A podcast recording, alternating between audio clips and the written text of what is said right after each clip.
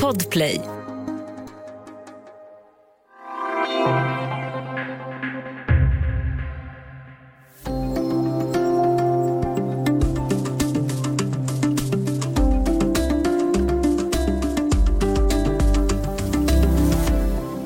Varför tänker vi? Och vad är en tanke? Varje dag tänker vi mellan 65 till 75 000 tankar. Men endast 10% av dessa är nya tankar. I det här specialavsnittet förklarar filosofiprofessor Anandi Hattiangadi varför våra fördomar styr vilken typ av information vi tar till oss. Och varför våra tankar har haft en avgörande betydelse under pandemin. Det här är Studio DN. Jag heter Emma Arpstrand.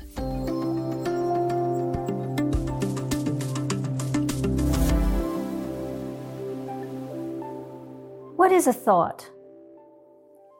It's funny to be asked that question. It's funny to answer that question because if you can ask the question or answer the question, you're capable of thinking.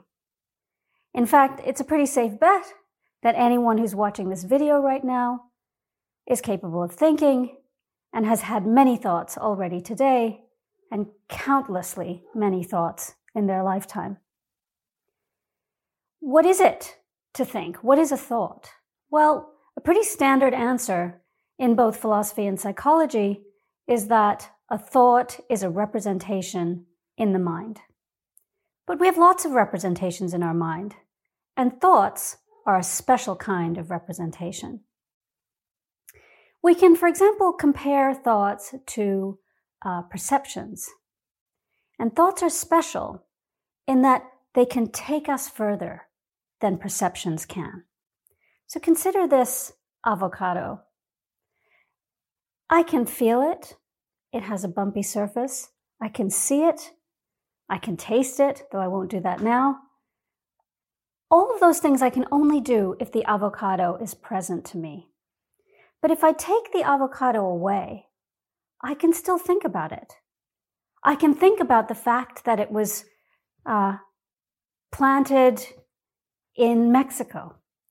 I can think about things that are not present to me, that are not in front of me in the way, it, which is different from the way in which I can perceive things.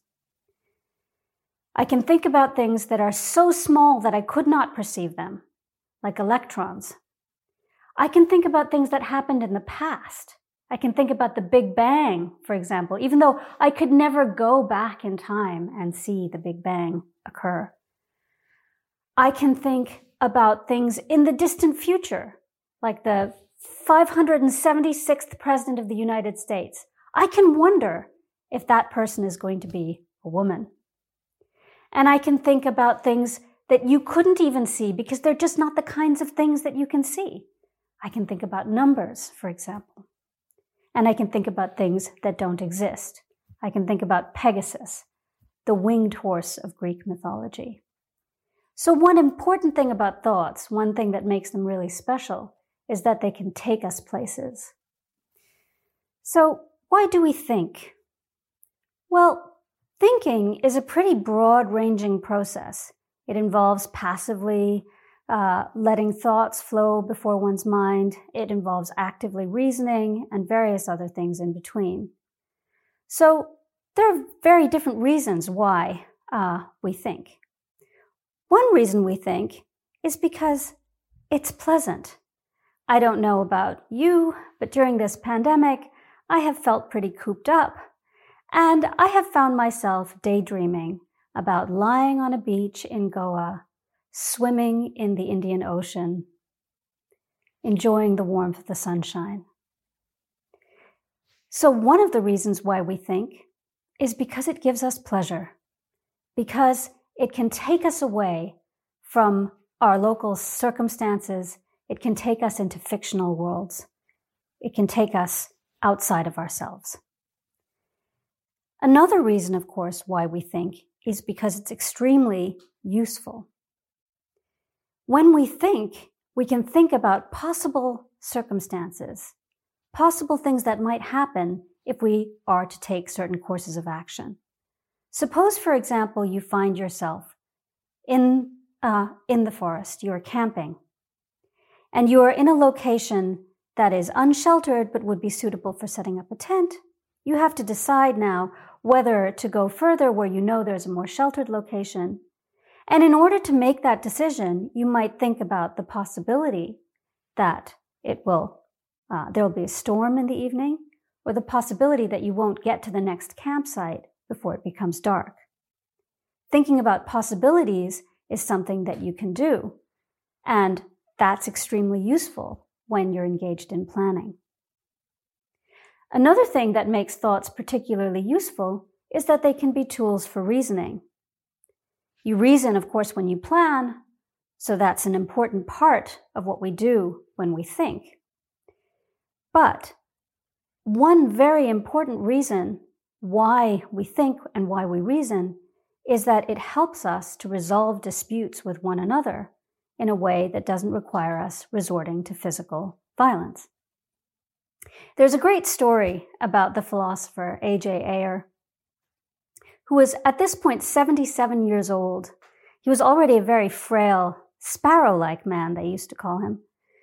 And he was at a party in New York when someone came rushing into the room, screaming that one of her friends was being assaulted by a man. That man turned out to be Mike Tyson.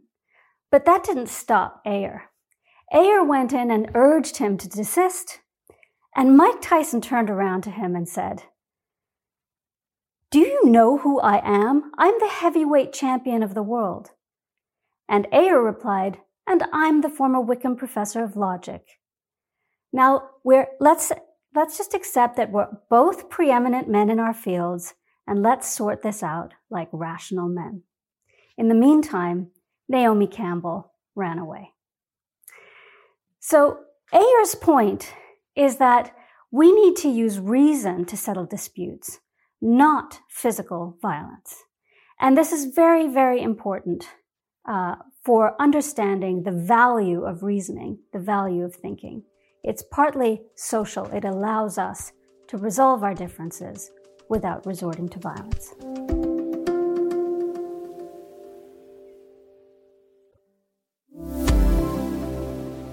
So, how can we be better thinkers? Well, thinking can go very well for us. It can be useful in planning, but thinking can also go very, very badly wrong. One of the ways it can go very badly wrong has to do with our biases.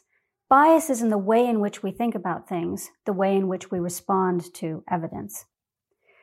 For example, psychologists have found that we prefer to listen to information or new evidence if it supports the beliefs that we already have than if we don't. So if you believe that climate change is a hoax and someone comes along and tells you, gives you information about how humans have impacted global warming, it's pretty likely that you're going to discount that information or ignore it completely and if you already believe that humans are a significant cause of climate change, and someone comes along and gives you some counter evidence to that, you're likely to discount that counter evidence as well. So it goes both ways. So that's an individual way in which we can be biased in our thinking in a way that protects our prior beliefs from being challenged by counter evidence. But there are two other threats towards our able to think well that I think have to be mentioned. And they have to do not with our individual biases, but with the way in which society is organized. Now, we all know the internet is amazing. It gives us access to a vast amount of information, which we can just look up at the drop of a hat or at the press of a finger. But at the same time, the internet makes it possible for bad actors to spread a huge amount of misinformation, falsehoods, and misleading information that uh, pollutes our informational environment. Now, thinking is only as good as the input that we get. So if you have good information, if you have true beliefs, and you reason on the basis of good evidence, then you will get knowledge. You'll come to learn about the world. But if the input is bad, if what you have is misinformation, if you have poor, misleading evidence, and you reason on the basis of that, then you're going to wind up with false beliefs. And the tragedy of having false beliefs is that they influence your decisions. When you plan, you plan on the basis of the beliefs that you have, and if they're false, you can make very poor choices indeed. So that is one threat that comes from society. And the second threat that comes from society comes from polarization. Now, one of the things that's remarkable about reasoning is that it allows us to resolve our differences without resorting to violence. And in fact, if we think about the individual biases that we have, we can counteract them by engaging with one another. In fact, it's been found that people reason better when they reason together. And in particular, we reason best when we know that we have to present our arguments and our reasons to someone who's likely to disagree with us. And this is how science works. We write articles, they get sent to a journal, and then they get criticized by people who disagree with us.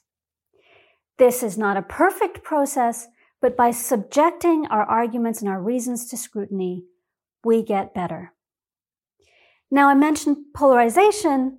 The problem with polarization is that groups of people divide in such a way that they no longer have common ground, a common set of norms for agreement and disagreement, a common view of what counts as a good reason. And when we become polarized like that, we have a problem. So I think that this kind of polarization is happening all over the world. It's particularly obvious in the United States, um, where there are two cultures growing up. What the journalist Ezra Klein calls super identities, where people become so attached to particular uh, sets of views that they no longer have any common ground anymore. So, what can we do about this? Well, one way I think to think better is to recognize that thoughts can take, our pla- take us places. Thoughts take us places physically, they can take us to the past and the future, but they can also take us into other people's minds. So, one thing that's really important to bear in mind is that we need to try to understand how things seem from another person's point of view, even when their point of view is radically different from our own. And the beauty of thinking is that we can do that. We can put ourselves in another person's shoes and attempt to find some common ground some common ground on the basis of which we can move forward and resolve our disagreements by reasoning rather than by violence.